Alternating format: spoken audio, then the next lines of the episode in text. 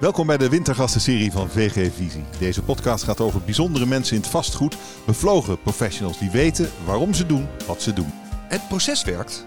Wij zeggen alleen het kan vele malen slimmer en simpeler. Alleen om dan het bestaande proces los te laten en je te committeren aan een volledig nieuw proces, dat vraagt een stuk lef. Je moet ballen hebben om, om het te durven en een stuk loslaten. En dat is vaak waar het, waar het heel moeilijk wordt. Ik ben bij Michiel Pot en Simon Helder, CEO en operationeel directeur van Zizo dan. Over onderhoud, maar dan anders. Fijn dat we elkaar spreken, leuk om hier te zijn. Um, tijdens de voorbereiding moest, moest, ik een beetje grinniken af en toe, want jullie disrupten de onderhoudspraktijk in de vastgoedwereld. Uh, laatst sprak, sprak, ik iemand die disrupt de liftenbusiness. Uh, elke innovatie is een disruptie tegenwoordig. Wat is jullie disruptie? Michiel. Onze disruptie is het feit dat wij het proces, de mensen, de systemen en eigenlijk het bedrijfskundig model van uh, vastgoedonderhoud, reparatieonderhoud, zo extreem versimpelen. Ja, dat uh, het bestaande proces, zoals het nu uh, eigenlijk loopt, volledig, ja, hoe zeg je dat? On onderuit gaat is een groot woord. Nee, dat is het verkeerde woord. wat, disrupt, wat disrupt je dan? Wij disrupten de communicatie met de eindgebruiker, met de bewoner. Wij disrupten de manier waarop ehm, alle uh, mensen en bedrijven in het proces inzicht krijgen in het proces en dus voorzien worden van informatie. En we disrupten de hele administratieve stroom die erachter zit. Die vereenvoudigen we op een hele ingrijpende manier. Oké, Simon, waar hebben we het precies over? Hoe ziet het eruit in de praktijk wat jullie doen? Nou, in de praktijk ziet het er als volgt uit. Voor uh, grotere vastgoedbezitters uh, um, zorgen wij dat die uh, middels de Zizodan-app kunnen melden bij een gebrek. Uh, en wat wij dan doen, is dat zij binnen drie minuten een afspraak in hun agenda hebben staan. Nou, ik weet niet of je zelf ervaring hebt met huurwoningen en het melden van storingen. Nou, ik heb, ik heb geen huurwoning, maar het is wel heel lastig om onderhoud gedaan te krijgen, ja. Ja, ja nou... En uh, nee, doordat wij alles aan één keten hebben ge, ge, geklikt, gelinkt en vanuit één ecosysteem werken, misschien weer zo'n term waarvan je denkt dat hoor ik vaker, uh, kun je eigenlijk binnen drie minuten. Dus je, je hebt een gebrek, ik noem wat, een lek in de kraan. Uh, je WhatsAppt met ons het woord storing. Vervolgens uh, krijg je van ons een, via de chatbot 24 keer 7 een bericht terug. Geef je postcode op en vervolgens kom je in onze appomgeving. Maar wat is er dan anders dan wanneer ik gewoon bel met de woningbouwvereniging of de verhuurder of wie dan ook? Wat is het verschil? Want tot zover denk ik, ja, handig, maar waar is de disruptie? Ik denk dat de disruptie zit in de schakels die wij overslaan. Uh, concreet. Wat je vandaag de dag ziet is dat het van bureau naar bureau gaat. Dus je doet ergens een melding, vervolgens naar het volgende bureau, zet ze door en vervolgens vaak nog weer naar een onderaannemer. Nou, uh, als het van bureau naar bureau gaat, kost tijd, uh, doorlooptijd, kans op fouten wordt groter, et cetera, et cetera. En wat wij doen is die keten digitaliseren, waardoor je dus in staat bent binnen drie minuten meteen een aantal suggesties terug te krijgen. Wanneer het jou uitkomt, uh, die klik je aan en je hebt hem in je agenda staan. Oké, en Michiel, hoe gaat het dan verder? Ik heb de afspraak gemaakt, want mijn kraan druppelt of zo, daar wil ik vanaf. Uh, wat gebeurt er dan? Wat zijn de acties? Nou, de keten die daar, die daar achter plaatsvindt, is dat in de eerste drie minuten dat een bewoner een melding maakt, een volledige melding maakt, inclusief foto's, toelichting wat er mis is. Foto van de kraan. Foto van de, van de kraan. Waarom? Uh, het type kraan zegt de monteur uiteindelijk heel veel wat voor type kraan hij moet uh, repareren en of hij hem in de bus moet leggen, bij voorbaat. Dat okay. gebeurt nu niet. Oké, okay, ik snap de foto. En verder? um, en in, in die drie minuten uh, dat de bewoner ook direct een moment kiest uh, waarop de monteur uh, langs kan komen. In diezelfde drie minuten is de hele keten in één keer ge, ge, geïnformeerd. Dat is waarom Simon ook het woord ecosysteem gebruikt. Wij hebben een ecosysteem gecreëerd, een complete datalaag over alle spelers in het spel. Zodat zowel de verhuurder, de pandeigenaar, als de opdrachtnemer, de uitvoerder, die het uiteindelijk moet gaan uitvoeren, binnen drie minuten op de hoogte zijn van de melding, waar die is, wat het probleem is en wanneer die opgelost wordt. Oké, okay, en wat is dan het verschil met de huidige situatie? Nou, de huidige situatie uh, is natuurlijk voor iedereen verschillend. Maar wat wij doorsnee zien nu in de markt is wat ik net zei, is die schakels. Dus je doet ergens een melding, ja. veel al via e-mail.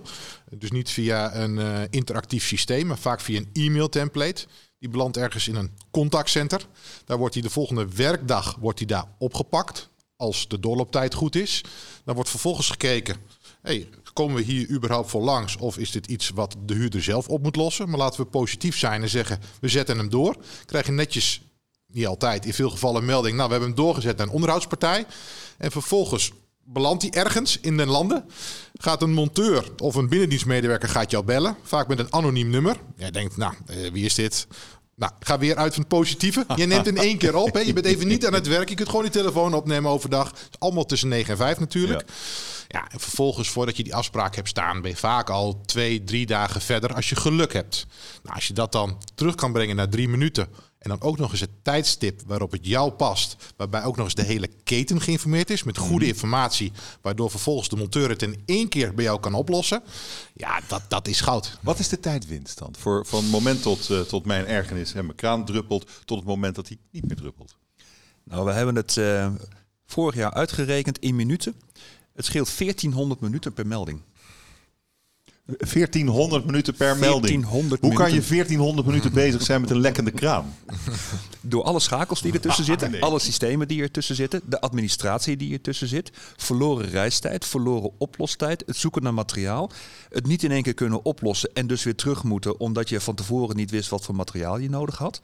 Als je al die schakels kunt elimineren in een slim systeem, kun je 1400 minuten per melding kun je besparen. Waarom heeft niemand dit eerder bedacht? Oh, er zijn heel veel pogingen gedaan. Oh. En je ziet ook dat met name heel veel aannemers uh, heel erg actief zijn geweest in de ontwikkeling van dit soort systemen. Maar het is enorm complex. Het is niet één onderdeeltje wat je moet oplossen. Eén onderdeeltje in de keten verbeteren is niet de disruptie. De disruptie zit hem in de hele keten zeg maar, aanpakken en verbeteren. En dat lukt je niet als je een speler bent in die keten. Ah, hoe groot zijn jullie nu? hoeveel, hoeveel klanten? Of hoeveel, hoe weet ik hoe groot jullie zijn? Ja, wij rekenen zelf altijd in, uh, in uh, woningen. Hoeveel woningen hebben we in beheer? Hoeveel zijn er? We hebben nu een contract voor 25.500 woningen. Dat en die zijn weinig, hè? Dat is uh, best wel veel. Dat is serieus veel. Er zijn 8 miljoen woningen in Nederland. ja, waarvan 3,5 miljoen woningen huur. waarvan 2,5 miljoen in het bezit van corporaties en 1 miljoen in het bezit van andere beleggers, eh, zeg mhm. maar, andere vastgoedeigenaren. En je doelgroep is, dat zijn die laatste twee categorieën? Corporaties en, en beleggers. Dat is uh, onze doelgroep. En dat is in totaal hoeveel? 3,5 miljoen. 3,5 miljoen, je hebt daar 25.000 van nu, in een paar jaar tijd. In, in een jaar tijd, In een jaar tijd. Ja. Uh, en dat, dat vind je goed? Nee, dat is veel te weinig. Oh, ook dat het zei. Ja. dat is veel te weinig. We zijn goed op weg, wilde hij zeggen. Ja, ja, ja. we zijn goed op weg. We hebben nog maar begin gemaakt. Oké, maar, maar uh, verdien je al geld? We factureren, maar dat is wat anders dan geld verdienen. Ja, nee, het, het, kost geld. Dit is, dit is nog steeds uh, bouwen, bouwen, bouwen, Absoluut. bouwen. En wanneer uh, is het uh, omslagpunt? Het zit bij de 50.000 woningen. Oh. Dus daar, daarom zijn gezegd we ook, we zijn goed op weg. Omslagpunt zit de 50.000 woningen. De ambitie echter is veel groter. Die gaat richting de 500.000 woningen de komende jaren. En wanneer is dat bereikt, 500.000 woningen? We verwachten met twee à drie jaar willen wij daar zijn. Wat zijn de, de hindernissen die je daarvoor moet nemen? Waarom duurt het zo lang? Want het klinkt als echt een no-brainer. Dat moet je meteen doen, dit. Nou, waar we mee begonnen voordat we het eerste grote contract sloten, is dat wij nieuw zijn. Hè. Net als veel disruptors kunnen we nu door middel van technologie, waren we een nieuwe speler in de markt. Uh, dan wordt er toch gekeken van, uh, hey, jullie zijn nieuw. We horen het verhaal vaker. Maar je moet vervolgens toch ergens de kans krijgen om jezelf te bewijzen. Nou, die hebben we dit jaar gehad bij een uh, grote institutionele belegger. En nu zie je dus ook, nu dat we onszelf bewijzen um, en van een pilot omgezet hebben om mhm. verder door te rollen naar die 25.500 woningen, um, zie je dus dat het inderdaad makkelijker wordt. Dus het is wel een wereld waarbij men elkaar kent. Uh, en als daar een nieuwe toetreder komt, je jezelf wel even moet bewijzen. Dus dat was de eerste hindernis. Ja, want, want, de weerstand is een beetje, het is al vaker geprobeerd, Michiel, zoals jullie net uitlegden. Alleen het ging altijd mis. Dat, nou, dat is de weerstand. Er zit nog andere weerstand in. De weerstand is eigenlijk, het is nu allemaal geregeld. Het proces werkt. Wij zeggen alleen, het kan vele malen eh, slimmer en simpeler. Ja. Alleen om dan het bestaande proces los te laten en je te committeren aan een volledig nieuw proces, dat vraagt een stuk lef. Dat vraagt een stuk. Um, ja, lef is eigenlijk, hè, je moet ballen hebben om, om het te durven en een stuk loslaten. En dat is vaak waar het, waar het heel moeilijk wordt. Maar het levert gewoon geld op. Uh, dat is één. Het levert ook veel gemak op. Het levert tevreden huurders op. Zou je denken, als alles werkt zoals jullie het zeggen, Ja. dan is de uitkomst briljant. Ja. Ehm, dus laten we eens kijken naar hoeveel geld het dan oplevert voor een verhuurder. Om, het, om die 1400 minuten per lekkende kraan te besparen. In de hele keten levert het eh, geld op. De huurder zelf, die levert de tijdswinst en gemak op. Dat is eigenlijk niet om te zetten in, in geld. Voor de verhuurder, de, de, de eigenaar of de eh, vastgoedmanager, die heeft nu mensen in het proces zitten die de telefoon aannemen. Die de meldingen doorzetten naar de aannemers. Die de controle houden op de voortgang. Die de facturen af moeten werken. Eigenlijk kunnen die mensen andere taken gaan doen. Die kunnen zich meer gaan concentreren op de kwaliteit dan op zeg maar, de kwantiteit van de orders wegwerken. Aan de kant van de aannemer, de uitvoerder, die krijgt een kant-en-klare opdracht in zijn agenda. Dus die heeft eigenlijk geen order intake meer nodig. Die heeft geen planner nodig, want dat wordt voor hem gepland. En zijn facturatiestroom wordt ook enorm versimpeld. Dus als je dat allemaal bij elkaar optelt, en het is natuurlijk heel simplistisch gemaakt nu, maar als je al die schakels zeg maar elimineert, Mhm. ja, dan ga je geld verdienen. Maar hoeveel dan? Wat, wat is het sommetje voor een... eh, ja, nou ja, als je, als je 25.000 woningen hebt, hoeveel bespaar je dan als, als verhuurder? Oh, dat is, dat is enorm moeilijk. En dat is eh, moeilijk. Je weet hoeveel minuten het scheelt. Dan. Ja, maar het is heel moeilijk om dat heel hard in euro's eh, te zeggen. Maar dat lijkt me lastig, want als ik die verhuurder zou zijn, zou ik dat precies willen weten. Je merkt heel vaak dat het niet primair om geld gaat. Het gaat over inzicht. Zeker als, als eh, eigenaar. Die heeft heel vaak geen inzicht in eh, voortgang van de opdrachten. In wat is er nou werkelijk stuk? Tevredenheid van de bewoners. Dat zijn vaak belangrijkere zaken om te zien dan werkelijk die laatste euro. We praten niet over. Heb je, het over, heb je het over de laatste euro? Ja, want we praten het- niet over hele grote bedragen. Hè? Oh, Dit zijn reparatieopdrachten. En die hebben een gemiddelde waarde van, laten we zeggen, 200 euro. Gemiddelde oploswaarde van, eh, van, van 200 euro. Maar dan, dan wil je toch weten hoeveel bespaart ZISO dan op die 200 euro? Ja, maar dat, dat ligt er dus heel erg aan. Dat is wel een beetje maatwerk. Dus ja, dat doen wij. Uh, Mhm. Maar uh, daar zie je bijvoorbeeld hele grote verschillen tussen woningcorporaties die nog traditioneel heel veel zelf doen. Die hebben een eigen callcenter. Uh, en als je kijkt naar de institutionele beleggers, vanaf, toch? daar kunnen ze vanaf. Maar- Nou ja, wij krijgen ook wel eens letterlijk de vraag terug van wat gaan die mensen dan doen?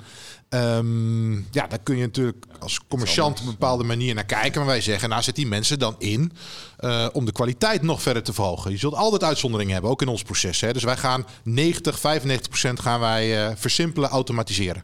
Maar er is altijd die ene klant, uitzondering op uitzondering op uitzondering. Nou, pak die klanten dan beter met de tijd die je over hebt om op die manier uh, uh, de kwaliteit echt naar een nou, geweldig niveau te brengen. Ja, ik, ik begrijp het. Jullie grootste probleem is eigenlijk vest, de gevestigde orde zoals we het altijd al gedaan hebben. Waarom zouden we het veranderen? Dat is het eigenlijk. Ja, je triggert me wel met je vraag, hè, want die is heel interessant over wat, wat levert het financieel op. Maar wat het levert, een, een organisatie, of het nou een corporatie is of een vastgoedmanager, die moet het kapitaliseren. Die moet de besparing in handelingen van zijn mensen, moet hij eigenlijk kapitaliseren. Ja. Alleen dat is niet iets, dan regeren wij over ons graf als wij zeggen van joh, heel mooi, maar je kunt vijf mensen op je callcenter kwijt. Ja, dat kun je wel zeggen, maar het kapitaliseren daarvan, die verantwoordelijkheid ligt bij uh, de opdrachtgever of bij de opdrachtnemer.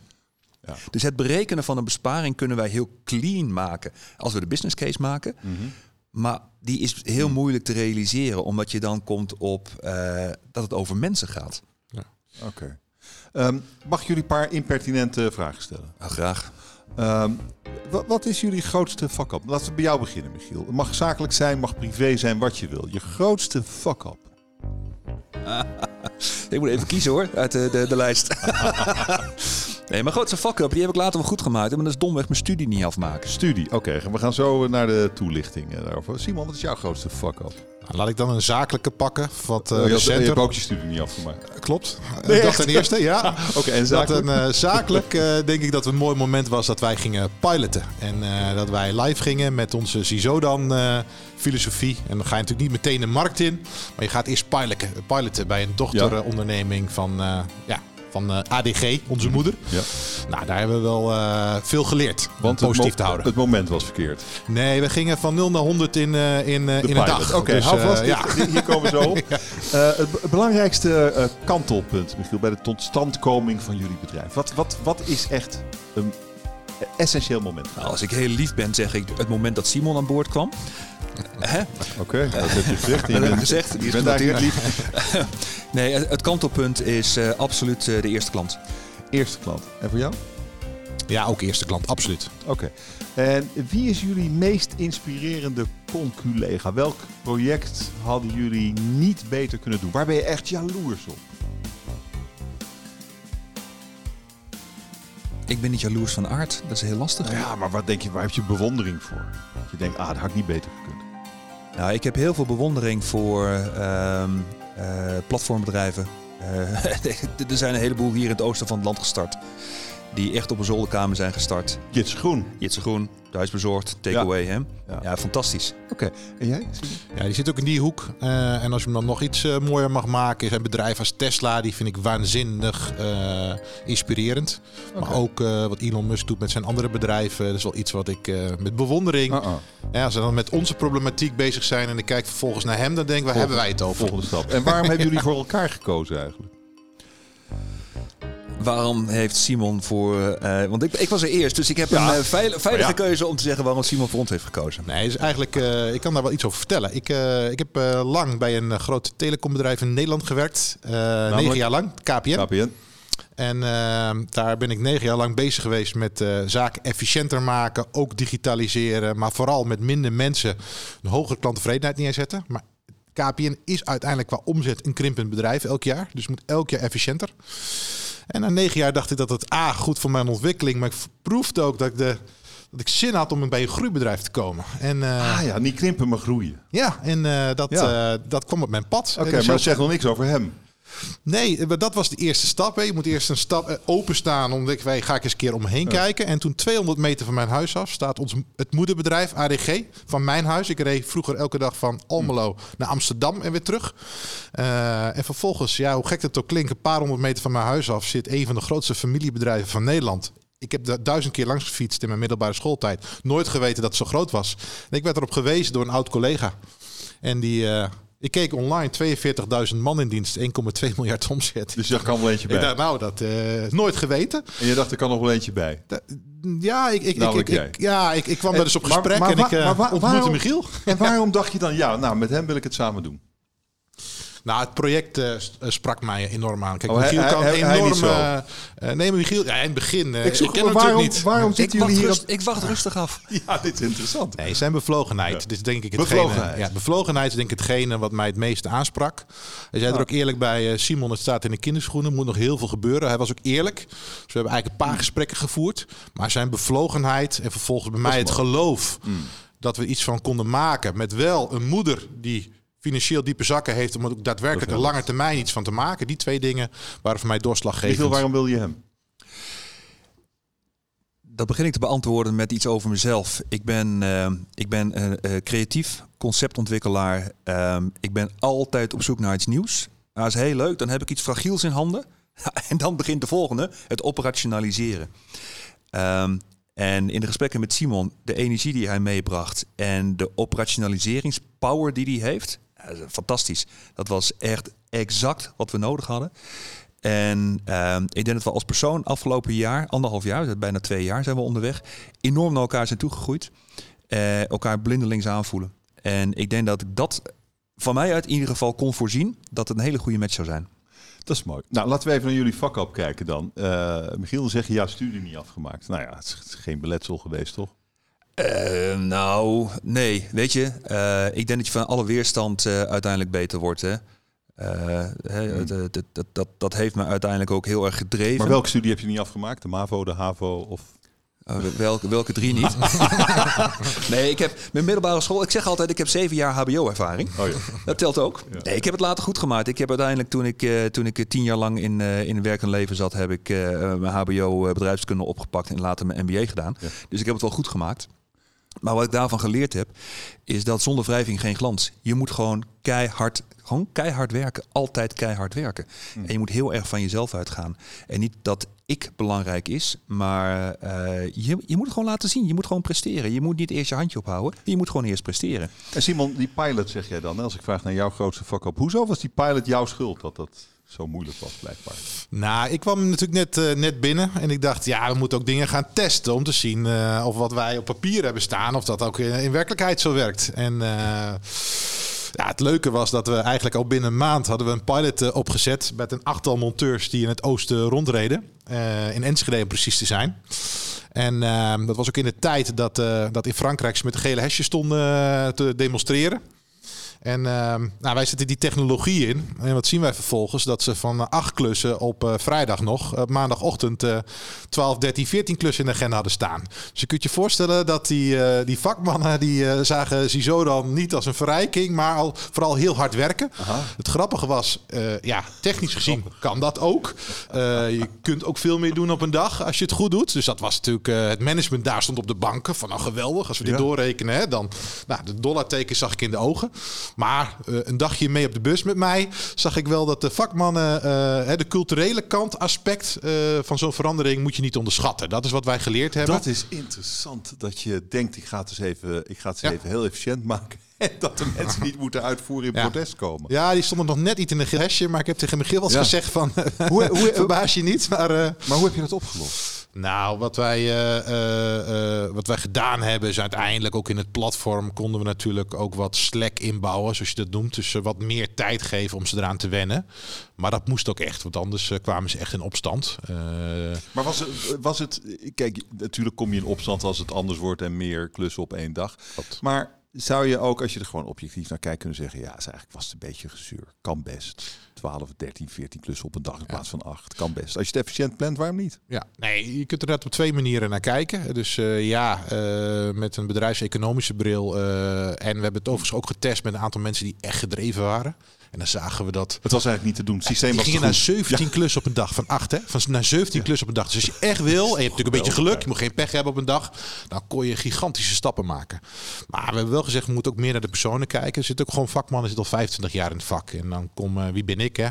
Simon Helder komt even langs, 38 jaar. Die gaat je dan even vertellen hoe je werk moet doen. Dus ik snap van die andere kant wel eh, dat je dat op moet bouwen langzaam. En wat wij doen, en denk beide, is eh, ook regelmatig gewoon mee een dag op de bus. Om die belevingswereld van die vakman eh, eh, ook te leren kennen, waar die tegenaan loopt. Hè. Soms in theorie is alles heel makkelijk. Ik heb wel eens gezegd voor de gein van nou... als je van tevoren precies weet wat je mee moet nemen, waarom ga je niet in een bakfiets, een elektrische bakfiets in plaats van zo'n grote bus? Dat kun je heel makkelijk zeggen, hè, vanuit de theorie. Alleen de praktijk is soms net wat weerbastiger. En Maar dan denk vonden ik, die, die, nou, mannen, die mannen vonden het... hoe- en hoe vinden ze het nu? Hoe is het opgelost? nou, misschien wel leuk dat jij, eh, ja, jij zit daar nog dicht bovenop elke dag. Oh, ik maak het van dichtbij mee. Hoe vinden ze het nu? Ehm, het, het blijft altijd spanning, hè? Want een vakman is niet voor niets een vakman. Hij wil het vakkundig goed oplossen. Dat is primair. Maar uiteindelijk, als je goed geïnformeerd in klussing gaat en een klus dus ook goed snel kunt afronden, ja, dat is eigenlijk wel heel fijn. En als je dan misschien in plaats van 8, 10 of 11 per dag kunt afronden, en je kunt ze ook echt afronden en bent daarna leeg in je hoofd, ja, dat is eigenlijk wel super fijn. Uiteindelijk geeft het ook voldoening. Hè? Een lijstje afvinken geeft voldoening. Dus je merkt dat het, Ja. in, het in de cultuur, het is een kwestie van wennen, maar dat het eigenlijk wel heel fijn, eh, heel fijn werkt. Dus nog iets op toe mag voegen trouwens, wat heel leuk is, wat ze echt positief eh, vinden, is dat alles zichtbaar is. Eh, wij zijn natuurlijk heel veel op de bus mee geweest. En dan vroeg ik altijd, wanneer heb je nou je werk goed gedaan? Vraag die ik gewoon altijd stelde in de bus. En dan zeiden ze standaard, bijna niemand uitgesloten, als ik niks hoor, zal het wel goed zijn. Oftewel, als er een klacht is, hoorde de vakman het. Maar al die klussen die hij goed deed, hoorde er nooit wat van. In ons platform sturen wij elke bewoner een dag later een WhatsApp. Met een heel simpel eh, mechanisme waarbij we de tevredenheid van de huurder uitvragen. En wat zien wij? Is dat die huurder eh, op nummer 2 en 3 de vakman expliciet benoemt. Hè, in onze top 10. Op 2 en 3 staat die vakman. De vriendelijkheid, de punctualiteit. Maar dat horen ze nooit. Dus wat vinden ze nou leuk? Is natuurlijk een complimentje. Net als ik het leuk vind om af en toe een complimentje te krijgen. Vindt zo'n vakman dat natuurlijk ook. Nou, met ons platform heeft het onderhoudspartij real-time inzicht. in Onder andere de first time fix, de tevredenheid, noem maar op. En als dat bedrijf dat dat ook inzet om die vakman ja, af, en toe, af en toe even een compliment te geven. Wat ze in mijn ogen heel vaak verdienen. Ja, dan gaan ze vliegen. Dus eh, we geven ze wel de tools om die vakman ook heel blij te maken. En heel af en toe, één keer per kwartaal, doen we het gewoon zelf. Dan pakken we de vakmannen eruit in ons hele platform die het beste gedaan hebben. Hebben we net voor kerst samen gedaan. We hebben een soort kerstspecial van gemaakt. En dan zijn we langs gereden met een borrelpakket om ze te bedanken. Nou, als ik dan zie in hun ogen hoe ze dat waarderen, dat wij vanuit CISO dan komen om zijn vakman te bedanken. Ja, dat is goud. Dat vind ik echt goud. Um, uh, Michiel, dan zeg je uh, thuisbezorgd. Uh, dat vind ik eigenlijk een schitterend project. Waarom? Het hebben van een droom, het hebben van een visie. Het weten dat er ruimte zit in, in wat er nu is. Hè, disruptief. Want heel eerlijk, vroeger ging je naar de Chinees, ging je daar het bestellen, ging je in de wachtrij zitten hè, op het bankje en dan wacht je tot je eten kreeg en dan reed je weer naar huis. Um, tegenwoordig uh, doe je het via een app en het is uh, een half uur later thuis uh, afgeleverd. Te simpel voor woorden om te bedenken, maar de impact is waanzinnig. Dat vind ik de simpelheid van het concept. Ja. de ehm, ogenschijnlijk simpelheid van de techniek die erachter ligt, die natuurlijk waanzinnig complex is. Um, en zo succesvol. Dat vind ik waanzinnig inspirerend. En Simon wil graag Elon Musk zijn. Nou, of ik hem wil zijn, dat weet ik niet. Maar ik vind hem waanzinnig inspirerend. In die zin dat hij echt grote bewegingen op gang brengt. dus uh, ik ben ervan overtuigd dat als Tesla uh, destijds niet die elektrische auto had geïntroduceerd. Dat een merken als Volkswagen en Volvo niet staan waar ze nu staan. Dus uh, hm. naast het feit dat hij in mijn ogen best wel gaaf, ook wel doordacht, sexy product heeft neergezet. heeft hij daarmee een enorme beweging op gang gezet. Ja, en dat vind ik ja, waanzinnig inspirerend. Jij ziet dat gebeuren met CISO dan? Ik zie dat zeker gebeuren met CISO dan. Ja. Um, ik, ik, wil, ik wil je nog, uh, nog een paar vragen stellen die wat van persoonlijk van aard zijn. ik wil graag dat jullie uh, tegelijk antwoord geven. Daarna komt de toelichting. Wie zie je de creatieve? Michiel. Ik, daar zijn jullie het over eens. Ja. En jij bent heel zelfverzekerd. Gewoon echt, die hand ging zo ja. rustig omhoog. Creativiteit is ja. jouw sterke punt. Ja. Waarom? Ja, waarom ben je creatief? Ja, dat weet ik eigenlijk niet. Dat is iets ik zie verbanden die anderen niet zien, denk ik. Ik kijk altijd anders naar dingen. Ik speel ook heel vaak advocaat van de duivel. Als wij uh, in discussies zitten, uh, met z'n tweeën of met meerdere mensen, probeer ik altijd een ander standpunt erbij te pakken. Mijn simpele opvatting is: de waarheid is een perspectief. De waarheid bestaat namelijk niet. De waarheid is afhankelijk van hoe je naar zaken kijkt. En om dat te prikkelen en uit te dagen, neem ik heel vaak een ander perspectief in. En dat is ongelooflijk verruimend zeg maar, voor je discussie. Word je daar niet gek van, Simon?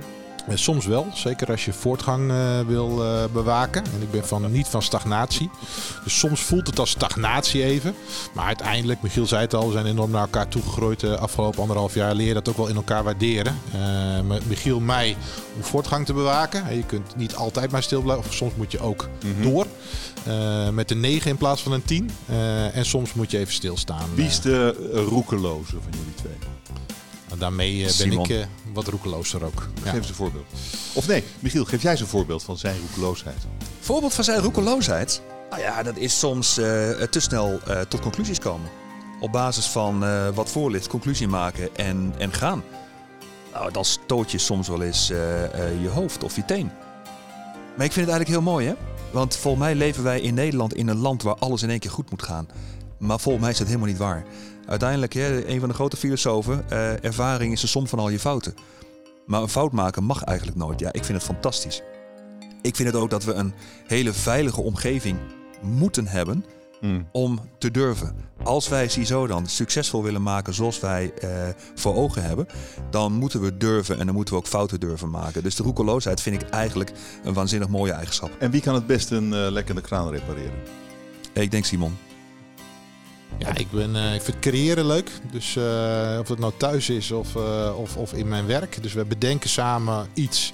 En vervolgens is het waarheid. Maar thuis moet je af en toe ook, bedenk je ook wel eens iets. Jij kan het maken. Jij hebt een ergernis van mijn vrouw. Ja? En dan ik Staat in een oud huis. Garage.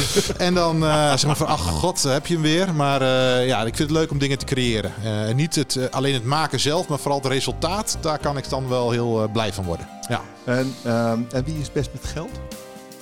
Oei. Ik weet wel wie het meeste heeft, maar... Oh, ik, dat ik, ik, denk dat Simon misschien nog wel het beste is met geld. Ik ben daar niet zo... Nee, zakelijk gezien... allebei. Zakelijk gezien uh, heel goed, ja. Ehm, het effect van eh, corona op jullie business, is dat, is dat voelbaar? We zitten nu nou, dikke tien maanden in die narigheid. Uh, het, het, is bijna voor alles is het een vertraging voor jullie ook? Nou ja, ik denk wel dat het een vertraging met zich meebrengt.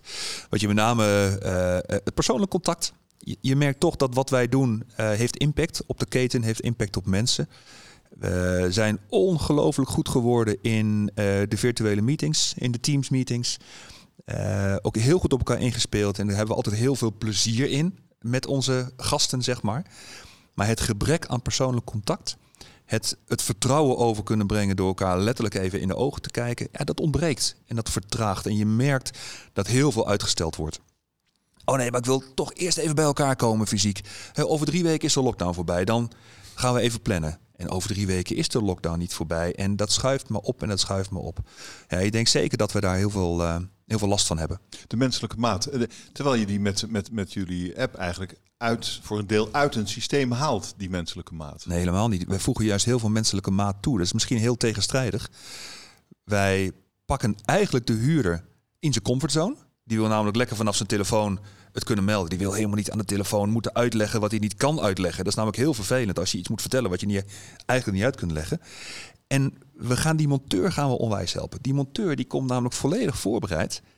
Dus daar zit de menselijke maat. Dat is het echte menselijke contact. En dat bevorderen we. Wat is, wat is de volgende stap? Want uh, misschien denk je er wel over na, Michiel. Als je die 500.000 bereikt hebt, uh, ja, wat dan? Hoe, hoe kun je het, uh, het idee van CISO dan, dan verder brengen? Nou, CISO dan kunnen we op een heel aantal manieren verder brengen. We kunnen sowieso um, heel veel zaken toevoegen in het platform zelf. Uh, inventarisatie uh, mogelijkheden voor wat zit er nou werkelijk in een huis.